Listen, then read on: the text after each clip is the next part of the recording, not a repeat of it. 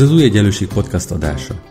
Ha még nem találkoztál velünk, az Új Egyenlőség igényes tartalmú, ugyanakkor populáris társadalomelméleti magazin, amely a gazdasági demokrácia alapértékeit, egyenlőség, szabadság, igazságosság és szolidaritást képviseli. Podcastünkben egy-egy érdekes témát dolgozunk fel szerkesztőtársaim, vagy az új egyenlőség szerzői, illetve a téma kapcsán releváns szakértők segítségével. Beszélgetünk, vitatkozunk, talán úgy, ahogy te is tennéd, ha itt lennél velünk.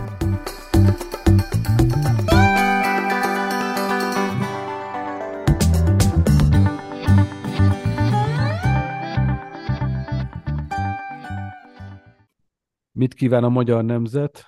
Ez most eh, nem egy eh, költői bevezető lesz a dologba, hanem erről, kíván, erről fogunk beszélgetni az elkövetkező fél órával az Új Egyenlőség Podcast mai adásában.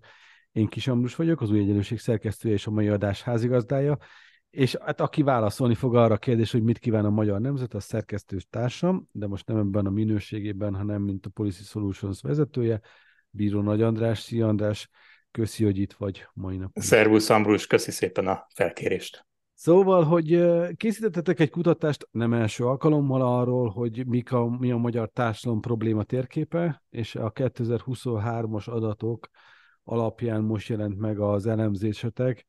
Hát ez alapján mi látszik, hogy mit kíván a magyar nemzet? Nagyon sok oldalról körbejártuk, tehát nyilván vannak olyan kérdések, amiket most már sok éve kérdezünk, ilyen ez a problématérkép is, amit említettél, de nagyon sok újdonság is van a a múlt héten publikált elemzésben, kezdve onnan, hogy az önkormányzatokkal szemben milyen elvárásai vannak az embereknek, vagy általában az ellenzéki politika mit vár az ellenzéki pártoktól, a kormánypárti szavazók mit várnak a kormánytól. Tehát egy csomó oldalról igyekeztük ezt a kérdést körbejárni, de kezdjük talán azzal, hogy egy általános problématérkép szintjén, ahol a trendeket is be tudjuk mutatni, sok évre visszamenőleg ott mit látunk, és ott az élmezőnyben, tehát mi érdekli igazán a magyarokat, ott igazából az elmúlt egy évben egy nagyon stabil állandóságot látunk. Tehát ha csak a problématérképet nézzük magát, akkor a megélhetési kérdések állnak az élen, szorosan összefüggésben az alacsony fizetések témakörével, és az egészségügyi ellátás színvonalát is alacsonynak tartják nagyon sokan. Amit az elmúlt egy évből inkább e tekintetben kiemelnék, hogy, hogy igyekeztünk azt megnézni, hogy az anyagi helyzet értékelése szempontjából, tehát hogyha megélhetési helyzetet megpróbáljuk egyéni szintre levinni, akkor, akkor mennyire mély ez a válság, mennyi embert érint. És szerintem az egy drámai eredménye ennek a mostani kutatásnak, hogyha a Covid-válság mélypontjával összevetjük a jelenlegi, tehát nem annyira a lezárások eredményeként kialakult, hanem inkább egy inflációs típusú megélhetési válságot, akkor azt látjuk, hogy ez még több embert érintett, ez a 2023-as megélhetési válság, mint a mondjuk a 2020-as, 21-es COVID mélypontos időszak. Jelenleg 2023 őszén többen mondják azt, hogy az elmúlt egy évben romlott az anyagi helyzetük, mint, ami, mint amilyen adatot mi a COVID alatt bármikor mértünk. Ez azt hiszem elég jól mutatja, hogy az a helyzet, ami most van, az nem, hogy jobb lenne a covidos drámai évekhez képest, hanem igazából a egyéneknek az anyagi helyzeti értékelésében még, még egy rosszabb helyzetet is e, mutat. De azt hangsúlyoznám tehát ki, hogy nem feltétlenül abban van itt meglepetés, hogy továbbra is a megélhetés költségeit tartják az emberek a legnagyobb kérdésnek, hanem a válságnak a mélységében domborítanám én ki azt, hogy, hogy mi itt az igazi drámai fejlemény. Itt álljunk is meg, mert uh, ugye több uh, szociológiai dimenziót is vesztek ilyenkor, településtípus, uh, kor, illetve iskolai végzettség, vagyoni helyzet. Illetve belejött még egy dimenzió, erre egy kicsit később ez a médiafogyasztási buborék. Igen. És én ahogy néztem az adatokat, az alapján, mintha úgy tűnne, hogy a megélhetési válság szempontjából leginkább érintett társadalmi részeg, réteg, az mint hogyha leginkább a Fidesz szavazói körében lennének. Tehát ez az alacsonyabb iskolai végzettség és kisebb települések, olyan adatot talán nem találtam, de ez lehet, hogy az én figyelmetlenségem volt, ahol ez a rávetítve a, a párt, választ, párt választói vélekedésekre, de minthogyha pont ez a megélhetési probléma leginkább a, ezt a Fidesznek most úgymond hagyományos szavazói rétegét érinteni. Ha ez igaz, ez az észrevételem, akkor ez nagyon érdekes abból a szempontból, hogy valójában a kutatásokban meg azt látjuk, hogy továbbra is masszívan, bár persze egy picit morzsolódva, de azért vezet simán a Fidesz, és könnyen lehet, hogy ismét ilyen kétharmad közeli eredményt érne el egy most vasárnapi választáson. Ne, azt nem mondanám, hogy ugye az elmúlt egy-másfél év ne hozott volna szavazatveszteséget a Fidesznek, az más kérdés, hogy ez még mindig egy nagyon magas szintről indulva, továbbra is egy magas eredmény, közönkutatások szerint valahol a 45% környékén lehet látni ezt a szintet, tehát mondjuk nem 52, meg 54-ről beszélünk, de azért 45 is egy nagyon komoly eredmény, főleg annak fényében, hogy azt gondolom, hogy jól interpretálod az eredményeket, és valóban azokban a társadalmi csoportokban tűnik, hogy a megélhetési válság egyébként nagyobb erővel köszöntött be, és többen is mondják, tehát a körükben, hogy az anyagi helyzetük romlott, és nem is számítanak különösebben nagy fordulatra a következő időszakban, ahol egyébként a Fidesz túl reprezentált.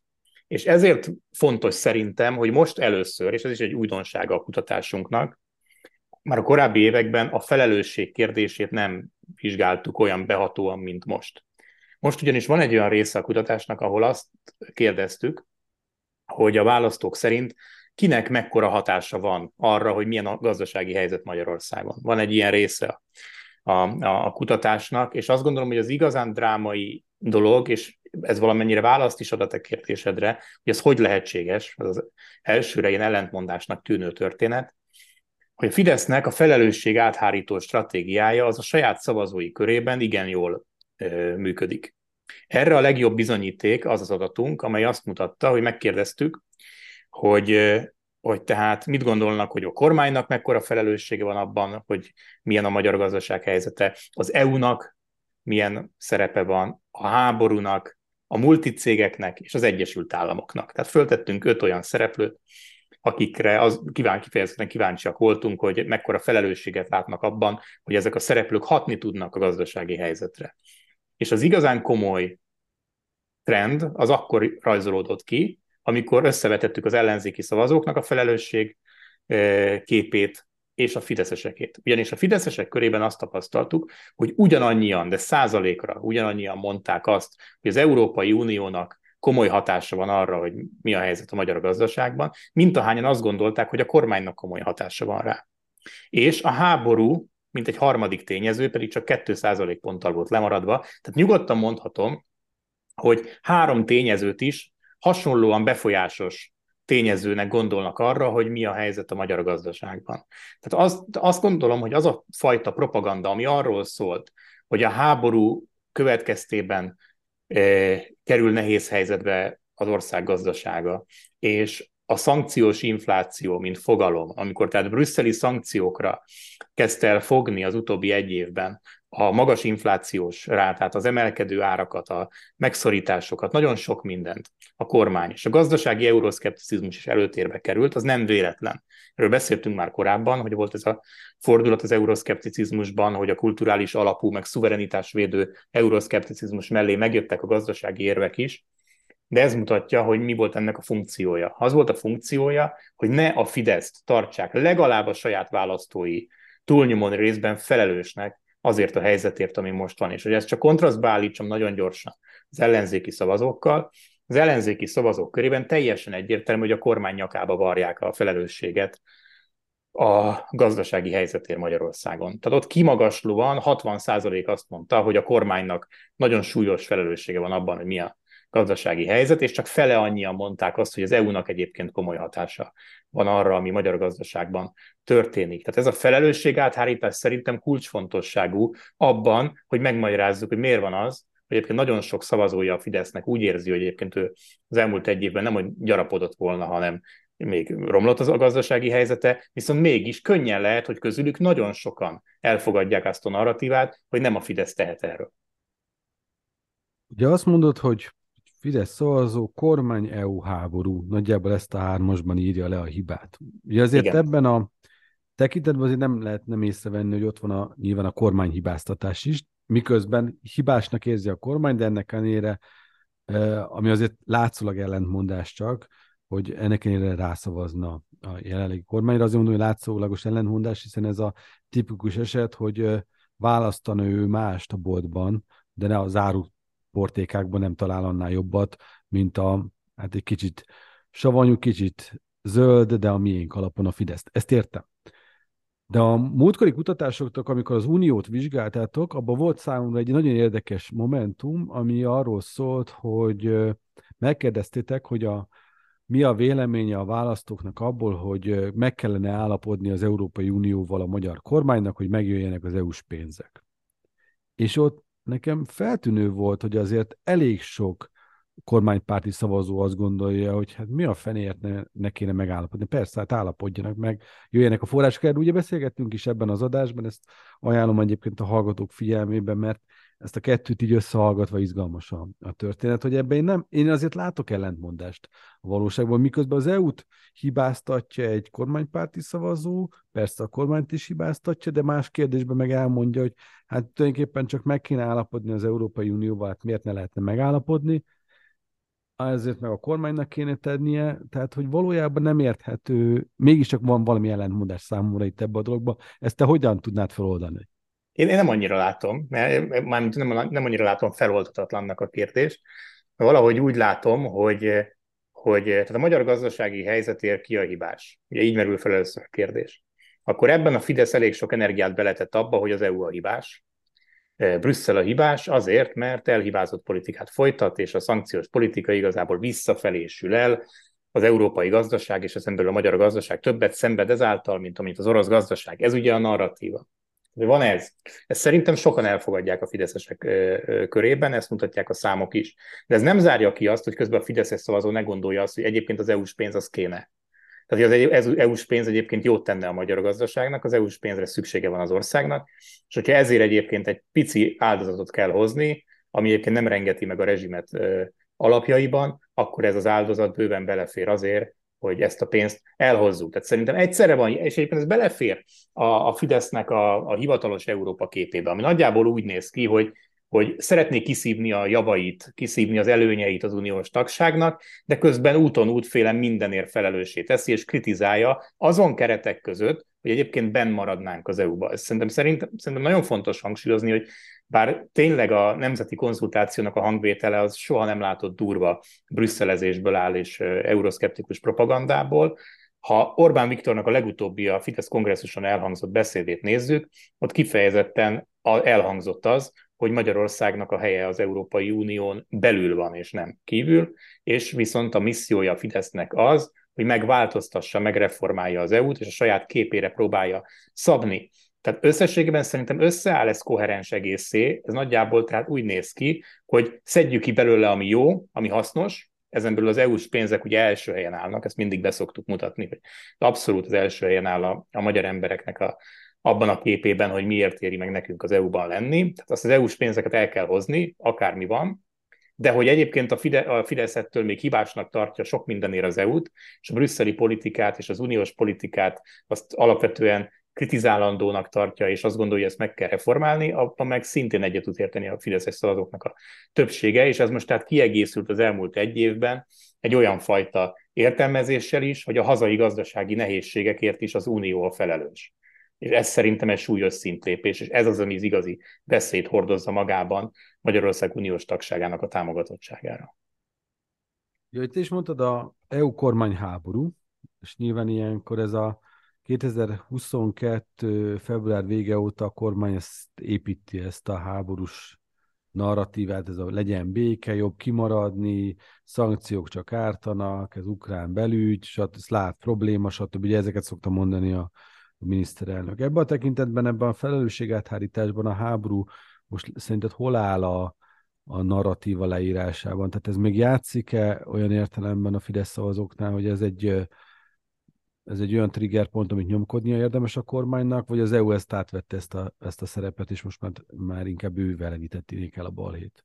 Hát ebben a, a múlt héten megjelent kiadványunkban ezeket a globális félelmeket, a külső félelmeket is néztük, és szerintem egy fontos dolog ezeket is mérni folyamatosan, mert így például, hogy a háború kitörése óta már három-négy adatfelvétel is volt, ami kifejezetten ilyen globális veszélyeket ismert, Ebből el tudom azt mondani, hogy míg az első évben, 22, végét, 22 február végétől, mondjuk 23 tavaszáig növekedett a háborútól való félelem Magyarországon, akkor, az, akkor most már mondhatom, hogy az elmúlt fél évben pedig ez csökkent. Ez visszatért nagyjából arra a szintre, ahol a háború elején volt a félelem szint a háborútól. Tehát azt gondolom, hogy mondjuk egy fél évvel ezelőtt, vagy tavaly ősszel erősebben lehetett nyomni ezt a gombot. Az emberek jobban féltek a háborútól. Talán egy kicsit a hétköznapok része is lett, talán egy kicsit lejjebb is került a médiában. Most már azért vannak dolgok, amik betakarják, akár még ugye az izraeli konfliktus is elviszi egy kicsit a figyelmet már arról, hogy mi van Ukrajnában, és a, ha az a kérdés, hogy ki az első számú ellenségkép, akkor most jelenleg jól láthatjuk, hogy, hogy ezt az Európai Uniós intézmények töltik be. Ursula von der Leyen van a plakátokon szerte az országban. Tehát jól látszik, hogy, hogy az EP kampány egy kiváló apropót szolgáltatott Orbán Viktornak arra, hogy nehogy nem hogy arra, hogy visszafogja az euroszkeptikus propagandát, hanem hogy tovább eszkalálja azokat a konfliktusokat, amelyeket egyébként már elkezdett az EU-val. Tehát összességében nekem úgy tűnik, hogy veszített a szerepéből valamelyest a háború, de ettől még a gazdasági nehézségeket való hibáztatási lehetőség az szerintem továbbra is ott van, és ez nagyon eredményesen lett kihasználva a Fidesz által az elmúlt egy évben. Ennek látjuk a bizonyítékát akkor, amikor tehát a felelősökre kérdezünk rá. Az elő, egy pár perc ezelőtt mondtam, hogy a különböző dimenziókban törnek a válaszok, település típusban, iskolai végzettségben, jövedelmi helyzetben, illetve, illetve korosztályi alapon, de van egy nagyon izgalmas új kutatási dimenziótok, ezt már az előző EU-s kutatásnál behoztátok ezt a médiafogyasztási szokásokat, ugye ilyen úgy mondtátok, hogy buborékokat vizsgáltok ebben a tekintetben, ezek a buborékok vagy önállóan állnak, vagy egymásba egy picit átfolyóak. Láttatok-e olyan érdekes adatokat, ami ezek a buborékok szempontjából izgalmas, mondjuk anyagi helyzetet, vagy a, vagy a probléma térképet illetően. Szóval van-e az a elemzői percepciót igazoltátok-e, hogy ezek a buborékokban való médiafogyasztás alapvetően meghatározza azt, hogy mit gondolunk a világról sok tekintetben? olyan kérdésekben, amiben az embereknek hétköznapi saját tapasztalatuk van, és szerintem az anyagi, saját anyagi helyzetük az kifejezetten ilyen. Ebben azért az látszik, hogy, hogy itt a buborékok nem tudnak mindent elfedni. Tehát itt a különbségek. Ez nagyon kisebb... fontos mondat, amit mondasz. Tehát, hogy amikor a valóság leírása történik, akkor azért túlértékelt a média buborékoknak a szerepe. Szerintem ez sok tekintetben ilyen köldöknézős politizálással el szokták felejteni, hogy ilyenkor, amikor a kenyér több mint ezer forint, akkor az, az egy exakt szám, akkor hiába írják le a Origon, hogy az a soha nem látott áresés volt a kenyérek piacán, csak egy nagyon fontos tételmondat szerintem, amit most elmondtál.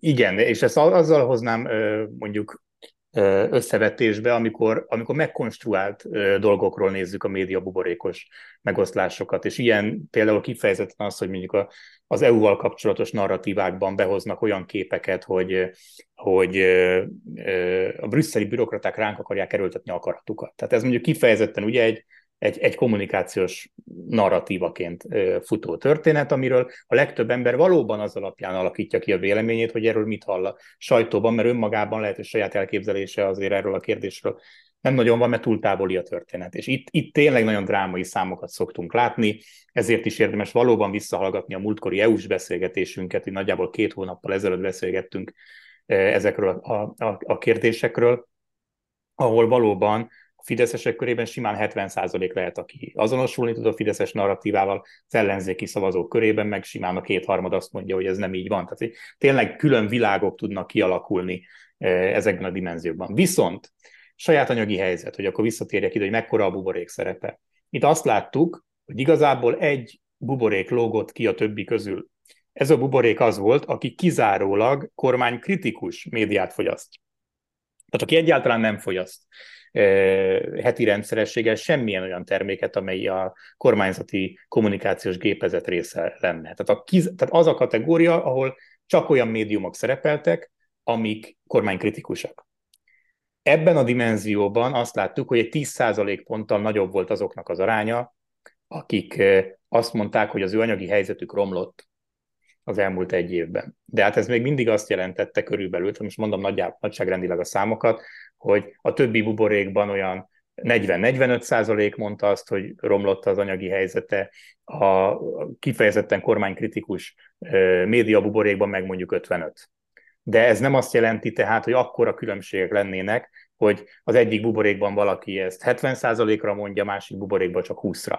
Mert ilyenek is elő tudnak fordulni akkor, amikor kifejezetten olyan kérdésekről beszélünk, amelyekről az embereknek nem biztos, hogy van saját hétköznapi tapasztalata. Tehát az, az azért látszik, hogy azok, akik a kormányzati médiát nagyobb mértékben fogyasztják, azoknak lehet, hogy egy valamivel jobb véleményük van a akár a saját anyagi helyzetük alakulásáról is, mint azoknak, akik ben vannak a kormánykritikus média buborékban, de ezt nem értékelném túl, hanem valóban az, az a tételmondat itt, amivel kezdtem is, hogy egy, az ilyen kifejezetten életbevágó és az embereknek a saját tapasztalatával keresztbe vágható témáknál, mint amilyen az, hogy milyen helyzetben van a saját háztartásom, ezekben azért én inkább azt mondanám, hogy limitált a szerepe ezeknek a média buborékoknak. Itt semmiképpen sem értékelném túl, de más kérdésekben meg nagyon durván látszik a polarizációs lehetőség a média buborékokban. Az, hogy a kormánykritikus médiát nem fogyasztó, vagy kormánykritikus médiát fogyasztóknál 10% ponttal nagyobb a anyagi helyzet megoszlás, ezt, azt azzal, értem, hogy ez nem olyan nagy kilengés, de azért mégiscsak érdekes adat, hogy ezt azzal magyaráztátok, ha magyarázt tudtátok valami magyarázni, hogy a, ő számukra tényleg a valóság leírásában ez, ez reálisan így néz ki, azért fogyasztanak esetleg kormánykritikus médiát, mert ők azt mondják, hogy ők vesztesei ennek a kormánynak, amúgy se szavaznának rájuk, hm. és miután vesztesek, ezért a anyagi helyzetük is romlott, vagy nem a valóságot írja le ez a helyzet, hiszen azért az, azt, amikor megkérdezi egy kutató, hogy valakitől, hogy ön mit érez, romlott a helyzete, azért az ugye egy általában egy, egy igen nem talán, nagyon nehéz kifejezni, sok esetben hozzátapadnak olyan egyéb tényezők, amik nem biztos, hogy a valóság leírása, nem sokkal inkább lehet, hogy meghatározzák a, a, egy, egy megkonstruált dolgokat, még egy ellenzéki szavazó esetében. Szóval összességben te ebben látsz-e bármilyen belemagyarázható dolgot, vagy, vagy inkább lapozzunk, ez olyan kicsi különbség azért a többi kilengéshez képest, hogy, hogy a, nézzük a megkonstruált dolgok valóságát? Itt én, nagy, én őszintén szóval nagyobb különbségre számítottam. Tehát én azt gondoltam, hogy a fideszes buborék az jobban tudja tompítani azt, hogy mennyien eh, gondolják azt, hogy romlott az anyagi helyzetük, és ahhoz képest ez a tompító szerep szerintem nem olyan nagy. Tehát nem véletlen, hogy mondok egy másik kérdést, amiből nagyon jól látszik, hogy a fideszesek körében is ez egy súlyos problémaként van kezelve. Föltettük azt a kérdést, hogy mit várnak el a kormányt, és csak fideszes szavazóknak tettük fel ezt a kérdést, mit várnak el a kormánytól a fideszes szavazók, mivel foglalkoznak. Tehát nem a, nem a problématérképet kérdeztük, hanem spontán válaszként lehetett mondani, hogy mi az a top három ügy, amivel szerintük kéne foglalkozni a fideszes politikusoknak és még nagyobb arányban jött ki az, hogy az inflációval, meg a megélhetési válsággal, mint az ellenzéki szabadok körében.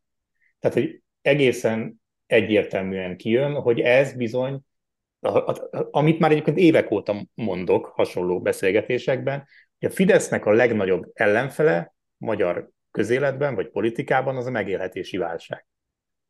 Tehát nem valamilyen pártpolitikai kihívás, nekik a legnagyobb, legsúlyosabb kihívás és legsúlyosabb ellenfél politikailag, hanem hogy hogyan tudják úgy kezelni a megélhetési válságot, hogy az ne hújjon vissza rájuk. Ez az ő legnagyobb veszélyük most már három éve, és a saját szavazóik is fontos kérdésnek tartják. Ezt választják ki akkor, amikor megkérdezzük, hogy mi a legnagyobb probléma, meg ezt válaszolják akkor is, amikor megkérdezzük, hogy mivel foglalkozzanak, mit kéne orvosolni ebben az országban. Leginkább akkor spontán maguktól is, tehát nem listáról választva, hanem magát, maguktól nyitott kérdésre simán mondják azt, hogy az inflációval és a megélhetési kérdésekkel kéne elsősorban foglalkozni. Tehát hogy ebből azért látszik, hogy a kormánypárti média buboréknak a befolyása arra, hogy ezt mennyire tudják ignorálni a választók, az igencsak limitált. Valami van, mert ezt ugye kimutattuk, hogy és most elő is kerestem, miközben itt beszélgettünk gyorsan, elő is húztam azt a szlájdot, tehát tudom mondani a konkrét számot, hogy 44% számol be romlásról az elmúlt egy évben anyagi helyzet tekintetében a kormánypárti média buborékban, és 55 a kormány kritikus média buborékban, tehát egy 10% pontos különbség van. a, a megkonstruált témáknál ennél, ennek a többszörösét szoktuk tapasztalni. Amit még szerintem inkább itt hozzátennék, hogy nagyon kevesen gondolják azt, hogy javulni fog a helyzetük a következő egy évben, vagy akár hogy az elmúlt egy évben javult az ő anyagi helyzetük. Tehát aki itt optimistább, és ez szerintem fontos, az valójában a stagnálásban reménykedik, vagy a stagnálásról számol be. Tehát a, fideszeseknek a nagy része az nem azt mondja, hogy az ő anyagi helyzete javult az elmúlt egy évben. A fideszesek java része azt mondja, hogy az ő helyzete nem romlott. Tehát azt, a, abba a pszichológiai helyzetbe helyezi magát. Nyilván nem számolja ki egy kérdezőbiztosnál így forintra, hogy most pontosan romlott-e vagy sem, hanem ez egy percepció. Hogy mit érez, hogy az elmúlt egy évben ő lecsúszott valamennyit, vagy igazából szinten tudta tartani magát. És a fideszes lélektan az valahol itt tart, hogy az elmúlt egy évben azt mondja, hogy igazából az ő helyzete az nem lett feltétlenül rosszabb, és a jövőre nézve pedig kifejezetten ezt látjuk, hogy a fideszesek körében egy ilyen abban való reménykedés, hogy nem romlik tovább, hanem stagnálni fog. Az ellenzékiek körében meg látjuk ezt a a, a hitet, hogy, a, hogy még a jövő évben is nagyon sokan közülük további romlásra számítanak anyagi helyzetüket tekintve. Talán egy olyan mondatnyi érdekességet hozzátennék, hogy itt kifejezetten nem egybe kezeltük a, az összes ellenzéki pártot ennél a kérdésnél, hanem itt nagyon-nagyon kíváncsiak voltunk arra, hogy az ellenzéken belüli táborok azok hogyan különböznek valóságérzékelésben. Ez azért nagyon fontos, mert most már sokat szor jön ki az, hogy bizony mondjuk egy Momentum szavazónak a gazdasági helyzetértékelése, az teljesen más, mint mondjuk egy régi baloldali szavazónak a helyzetértékelése, mondjuk a MSZP-nek a megmaradt szavazóinak a helyzetértékelése. A, a Momentumosoknak a helyzetértékelése az majdnem olyan jó, ez még szerintem elég komoly fejlemény az otthokból, majdnem olyan jó, mint a fideszeseké. Alig rosszabb, mint a fideszesek helyzetértékelése. Ez csak annyit mutat, hogy a momentumosoknak messze a legjobb anyagi helyzetű tábora van az ellenzéki pártokon belül. És az is látszik, hogy viszont a szocialista pártnak a szavazói képezik a másik végét ennek a listának. Az ő körükben még az abszolút többség, tehát több mint 50 százalék a következő egy évben is azt gondolja, hogy tovább fog lecsúszni. Ugye a buborékok kapcsán beszéltünk arról, hogy valóság leírása szempontjából alig van különbség a buborékok között, de a megkonstruált dolgokban többször is mondtad, hogy azért már jóval nagyobb különbség van. Egy picit erről beszéljünk itt a végén, hogy milyen ilyen nagy kilengéseket és mely megkonstruált dolgoknál láttok ilyen, ilyen kilengéseket.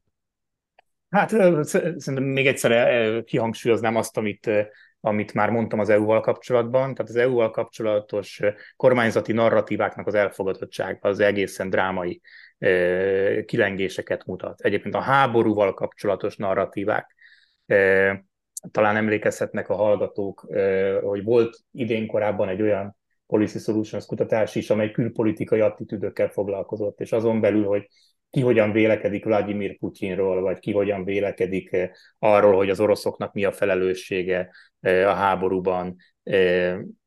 Ebben, ebben egészen drámai különbségek tudnak lenni táborok között. Most a, a friss kutatásból, amit kiemelnék, inkább az, hogy, hogy néztünk mindenféle ilyen globális veszélyforrásokat, tehát olyanokat, hogy lesz-e újabb nagy világjárvány, meg mennyire félnek a mesterséges intelligenciától, mennyire félnek nem tudom én, a atomháborútól, a klímakatasztrófától, stb.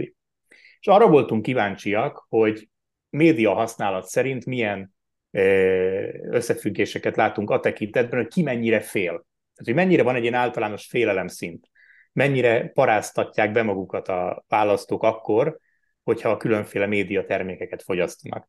És ebben egyébként most megpróbálom nem kifejezetten kormányzati, meg ellenzéki, vagy kormánytól független médiumokra kihegyezni a dolgot, hanem inkább arra hívnám fel a figyelmet, hogy az jött ki az adataink alapján, hogy aki bulvárt fogyaszt, tehát mondjuk, ha mondhatok konkrét médiumokat, a Bors és a Blik fogyasztói, rendszeres fogyasztói körében az általános félelem szint jóval magasabb, több mindentől félnek egyszerűen, mint akik mondjuk nem fogyasztanak ilyen termékeket.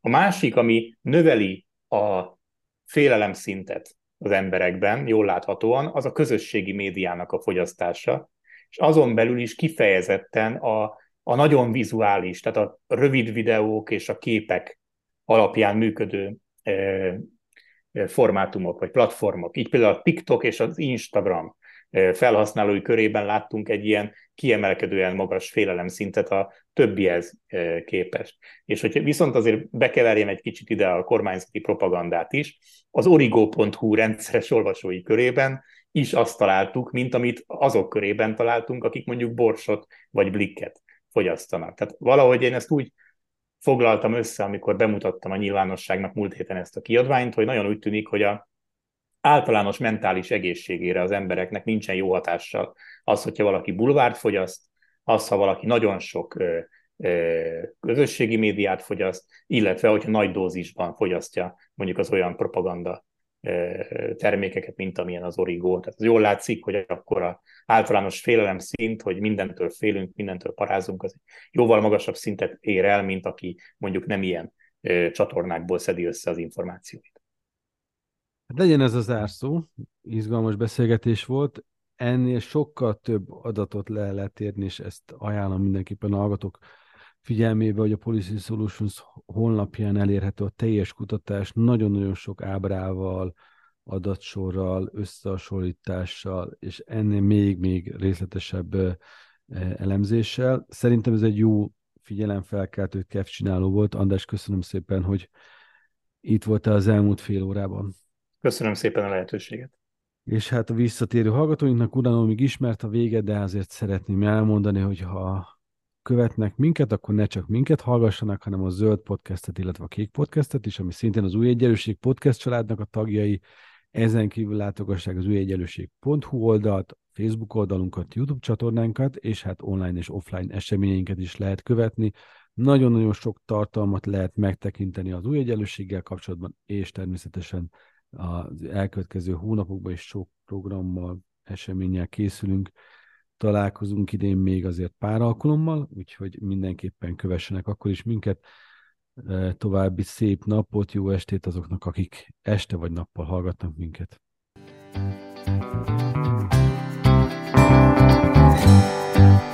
Köszönjük, hogy velünk voltál! Olvasd minket az újegyenlőség.hu oldalon, nézd meg videóinkat a YouTube csatornánkon, és kövess minket a Facebookon. És hallgass meg a következő podcastünket. Ha tetszett, akkor szólj barátaidnak, ismerősöidnek is. Terjezd a hírünket, hogy minél többen találkozhassanak velünk.